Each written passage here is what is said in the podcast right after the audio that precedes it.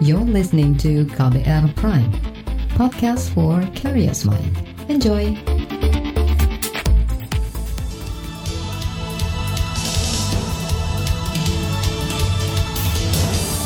Selamat pagi saudara, kembali kami menjumpai Anda bersama program Buletin Pagi edisi Selasa 4 Agustus 2020 bersama saya Eka Juli.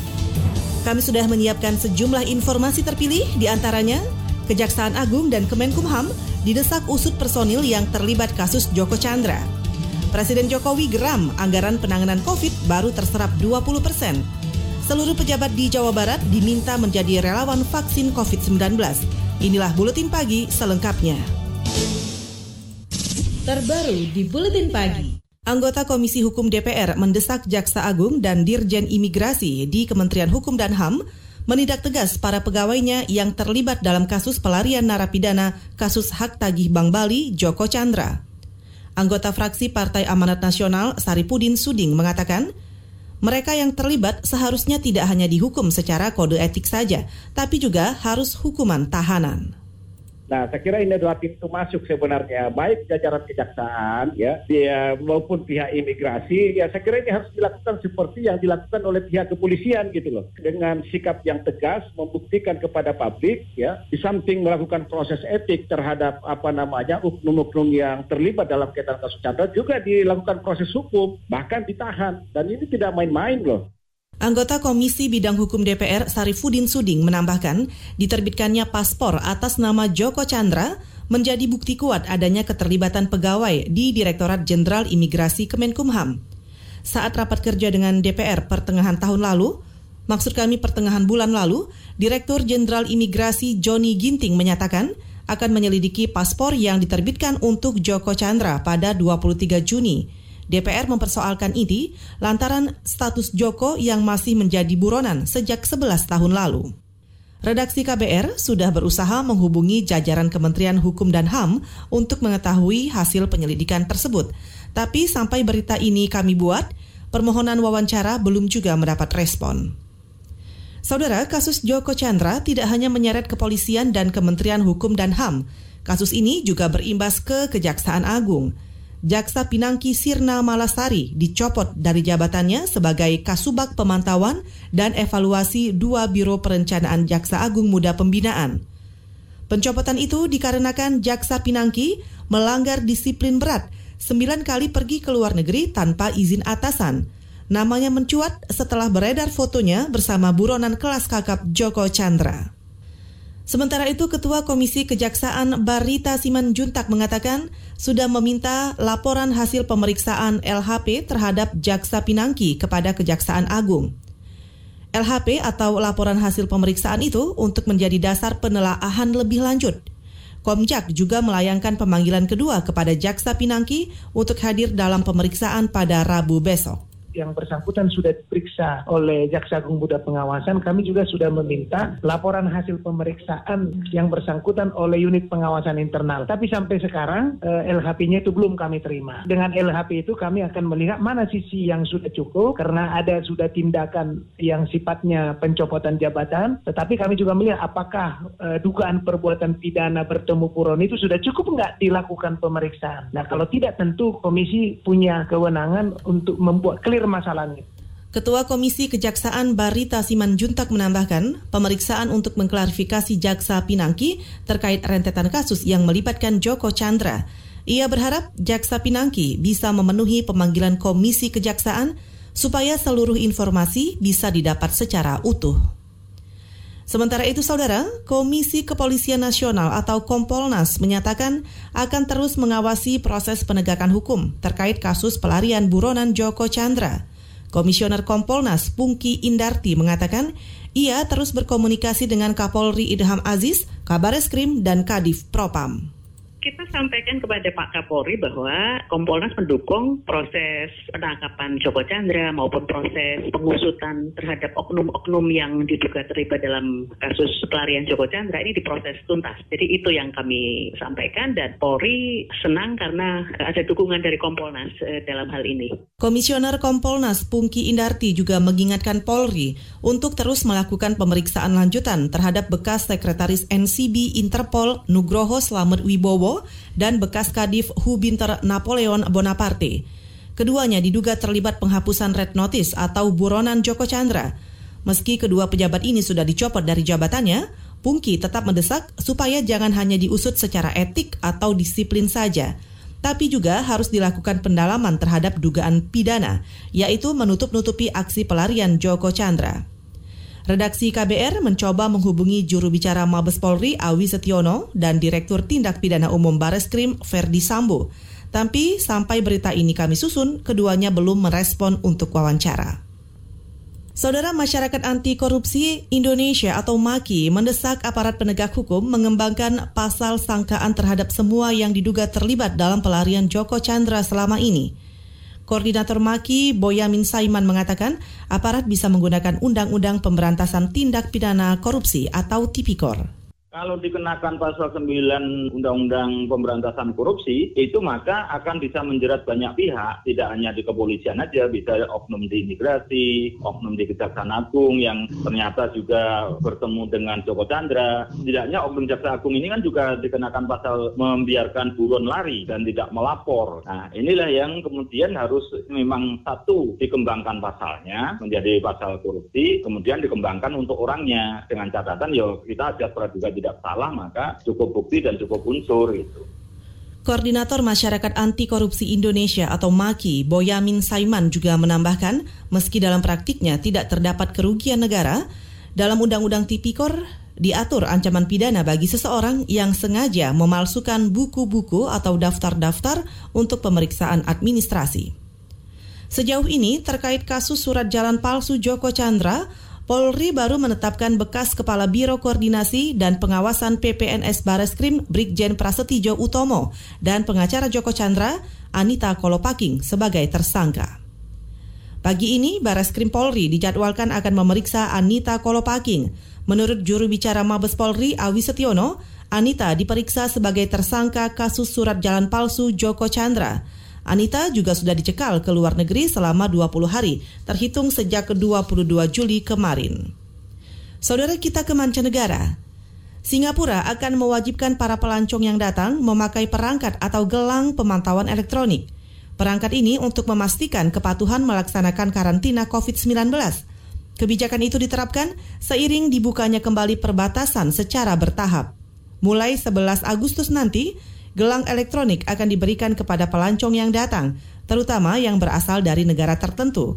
Mereka kemudian harus menjalani terlebih dulu masa isolasi di rumah atau di fasilitas negara yang sudah ditetapkan. Apabila gelang elektronik yang terhubung dengan sinyal GPS dan Bluetooth itu sengaja dirusak, secara otomatis akan bisa diketahui aparat berwenang. Anak-anak di bawah usia 12 tahun tidak diwajibkan mengenakan gelang elektronik. Saudara, Presiden Jokowi geram anggaran penanganan COVID-19 baru terserap 20 persen. Informasi selengkapnya kami hadirkan sesaat lagi. Tetaplah di Buletin Pagi. You're listening to KBR Pride, podcast for curious mind. Enjoy!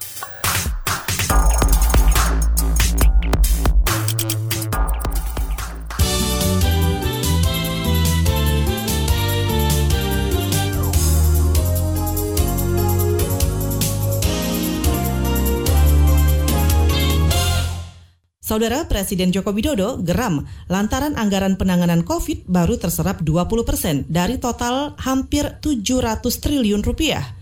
Realisasi ini berarti hanya naik satu persen dari pencapaian awal bulan lalu. Selain itu, Jokowi juga menyoroti sebanyak 40 persen dari total dana itu belum memiliki daftar isian anggaran pelaksanaan anggaran atau DIPA. Kondisi ini menjadi salah satu penyebab sulitnya realisasi anggaran kuartal ketiga ini urusan ekonomi yang berkaitan dengan konsumsi rumah tangga yang berkaitan dengan daya beli masyarakat. Saya melihat memang urusan realisasi anggaran ini memang masih sangat minim sekali. Sekali lagi, dari 695 triliun stimulus untuk penanganan COVID, 695 triliun baru 20 persen yang terrealisasi, 141 triliun yang terrealisasi baru 20 persen sekali masih kecil sekali. Presiden Jokowi juga menambahkan realisasi penyerapan terbesar terjadi di sektor perlindungan sosial dan program usaha mikro kecil dan menengah atau UMKM. Sedangkan untuk anggaran lain termasuk kesehatan masih minim. Itu sebab ia memerintahkan jajaran kabinet mempercepat serapan anggaran untuk mendongkrak ekonomi. Saudara, pemerintah mencatat ada penambahan kasus baru positif COVID sebanyak 1.679 pada hari ini. Hingga kini total konfirmasi positif corona tercatat lebih dari 113.000 kasus. Berdasarkan data, tiga provinsi dengan penambahan kasus baru COVID terbanyak adalah Jawa Timur dengan hampir 500 kasus, DKI Jakarta 472 kasus, dan Sulawesi Selatan 97 kasus baru. Pemerintah juga mencatat ada penambahan 1.200-an pasien COVID yang sembuh. Dengan demikian, total sembuh lebih dari 70 ribu orang, dan jumlah pasien meninggal bertambah 66 orang menjadi 5 ribu orang. Saudara infodemi atau informasi bohong atau hoax terkait virus corona memiliki dampak buruk karena mengganggu penanganan pandemi COVID. Ketua Presidium Masyarakat Anti Fitnah Indonesia atau Mafindo, Septiaji Eko Nugroho mengatakan ada 500-an hoax terkait pandemi COVID. Karena itu perlu keseriusan bersama baik dari pemerintah, masyarakat, dan penegak hukum untuk menangkal hoax sehingga tidak berdampak semakin membahayakan bervariasi ya. Ada hoax yang terkait dengan isu pencegahan dan pengobatan. Nah, ini juga termasuk yang kemarin video yang sempat rame ya di salah satu kanalnya seorang artis itu terkait dengan isu bahwa suatu ramuan itu bisa mengobati COVID-19 ya, padahal belum jelas uh, buktinya gitu. Nah, ini yang paling banyak memang terkait dengan isu pencegahan dan pengobatan. Ketua Presidium Masyarakat Anti Fitnah Indonesia atau Mafindo, Septiadi Eko Nugroho juga menambahkan, isu hoax terkait COVID yang juga cukup banyak adalah tentang klaster penyebaran virus corona. Eko meminta agar semua pihak mewaspadai isu hoax, komersialisasi pemeriksaan COVID, dan lainnya. Kita ke soal korupsi. Komisi Pemberantasan Korupsi atau KPK menyambut baik keluarnya peraturan Mahkamah Agung terkait pedoman pemidanaan untuk terdakwa koruptor. Peraturan itu memungkinkan hakim memutuskan pidana penjara seumur hidup untuk koruptor yang merugikan keuangan negara lebih dari 100 miliar rupiah. Juru bicara KPK Ali Fikri mengatakan lembaga anti rasuah berharap dengan adanya pedoman pemidanaan itu tak terjadi lagi disparitas atau perbedaan dalam putusan tindak pidana korupsi dengan terbitnya peraturan Mahkamah Agung tersebut tidak lagi akan terjadi disparitas putusan di antara majelis hakim eh, baik eh, pada tingkat pertama sampai kemudian tingkat eh, Mahkamah Agung. Itu tadi juru bicara KPK Ali Fikri. Sebelumnya Mahkamah Agung menerbitkan Perma nomor 1 tahun 2020 tentang pedoman pemidanaan untuk terdakwa koruptor. Perma memuat lima kategori kerugian negara Kategori paling berat dengan total kerugian negara sebesar lebih dari 100 miliar rupiah diancam kurungan penjara seumur hidup. Kita ke berita olahraga. Manajer Chelsea Frank Lampard mengatakan terlalu dini bagi dirinya bila musim Liga Premier yang baru akan dimulai pada 12 September nanti. Lampard mengkhawatirkan para punggawa The Blues beresiko cedera yang berkelanjutan. Penyebabnya jadwal pertandingan yang terlalu cepat di setiap kompetisi. Pada 8 Agustus nanti misalnya Chelsea akan menghadapi raksasa Jerman Bayern Munich di lig kedua babak 16 besar Liga Champions. Pada lig pertama, Chelsea menderita kalah 0-3. Akibat jadwal pertandingan yang terlalu cepat itu, Lampard mengatakan Liga Premier sangat tidak ideal bila dimulai pada pertengahan September. Saudara, laporan khas KBR tentang perang melawan infodemi kami hadirkan sesaat lagi, tetaplah di Buletin Pagi. You're listening to KBR Pride, podcast for curious mind. Enjoy!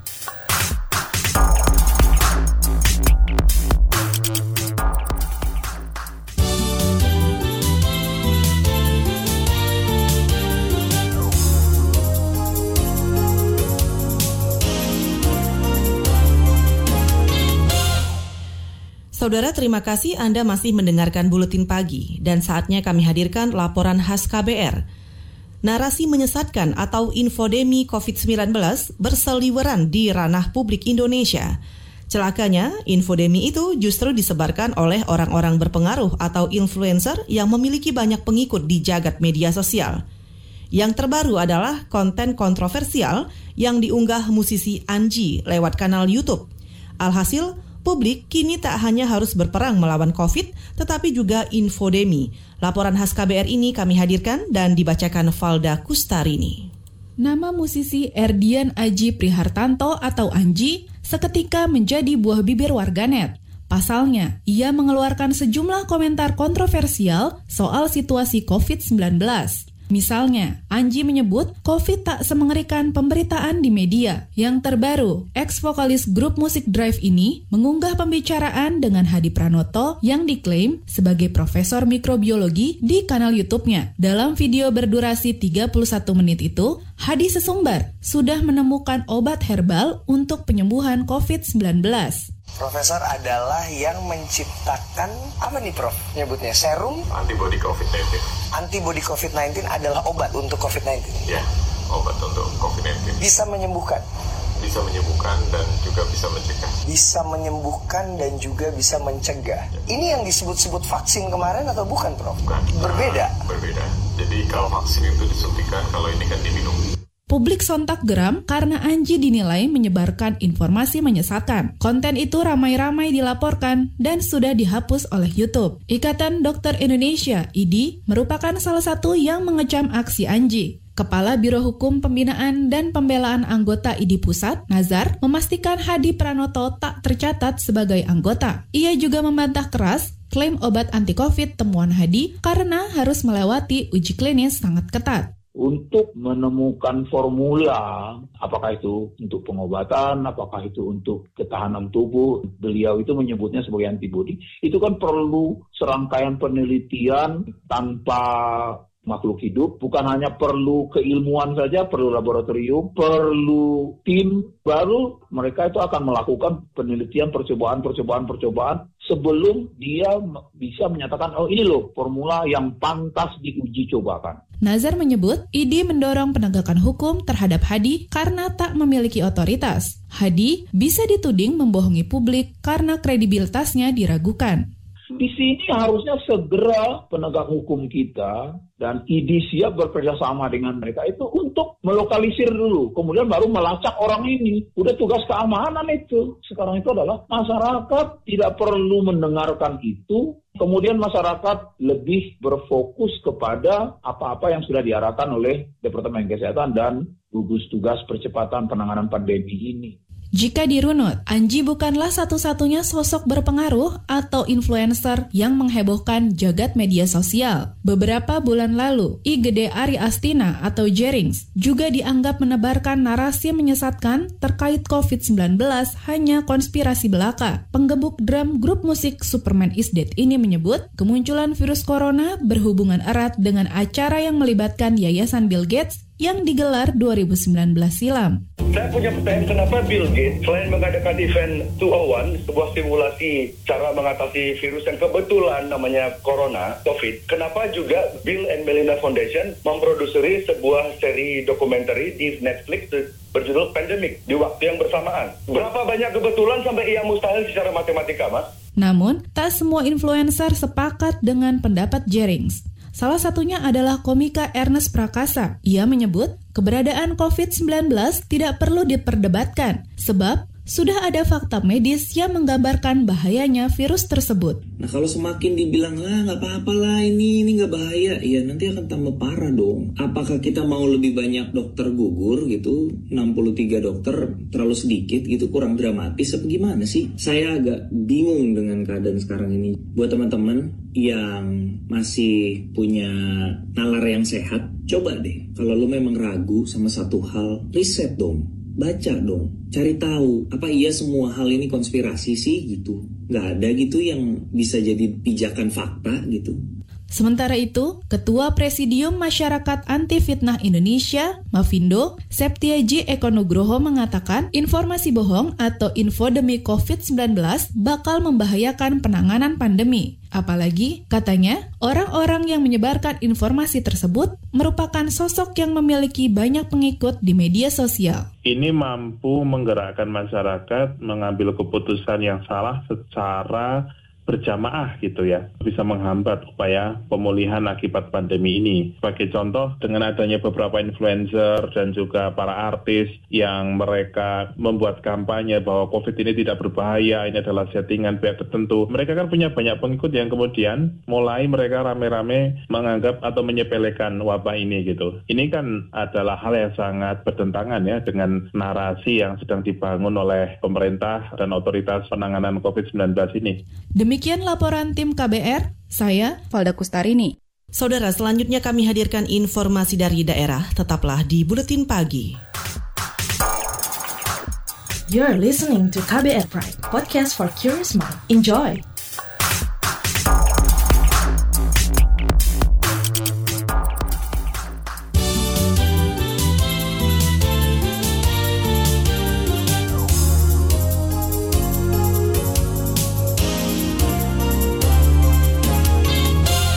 Inilah bagian akhir buletin pagi KBR.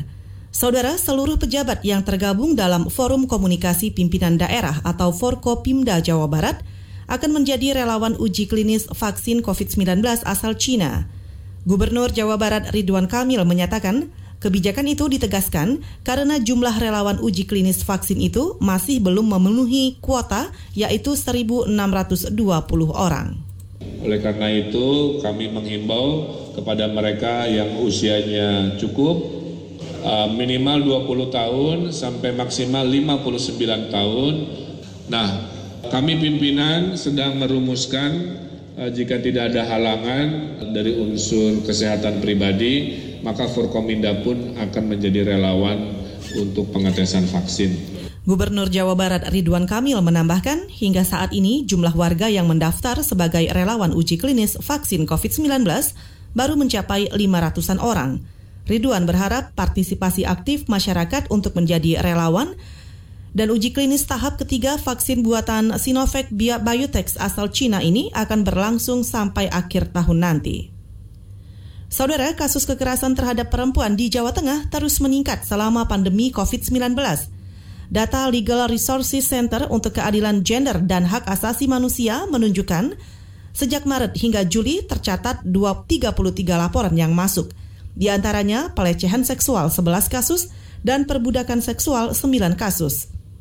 Divisi Bantuan Hukum Keadilan Gender dan Hak Asasi Manusia Leni Ristiani menyebut perempuan masih rentan menjadi korban kekerasan baik secara seksual, fisik maupun emosional dengan pelaku berasal dari orang terdekat. Ya itu memang paling banyak masih KDRT yang baik uh, bulan Januari sampai Januari sampai Juli ya. Secara keseluruhan itu memang paling banyak KDRT apalagi di masa pandemi yang itu Maret sampai Juli itu KDRT ada 12 kasus kayak gitu untuk korbannya sih ada yang masih lajang ada yang memang itu ibu rumah tangga jadi pelakunya itu memang orang terdekat bisa itu suaminya ataupun pacarnya ataupun temennya kayak gitu mbak. Divisi Bantuan Hukum, Keadilan Gender dan Hak Asasi Manusia, Leni Ristiani juga menambahkan, pemberlakuan kerja dari rumah atau maraknya PHK selama pandemi menjadi salah satu faktor terjadinya kekerasan.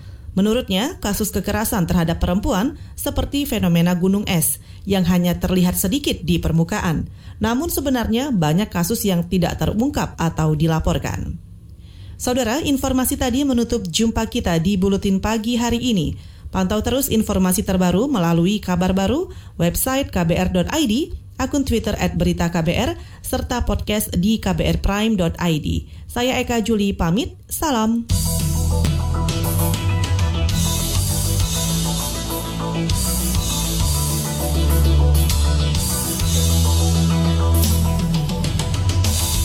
KBR Prime, cara asik mendengar berita. KBR Prime, podcast for curious mind.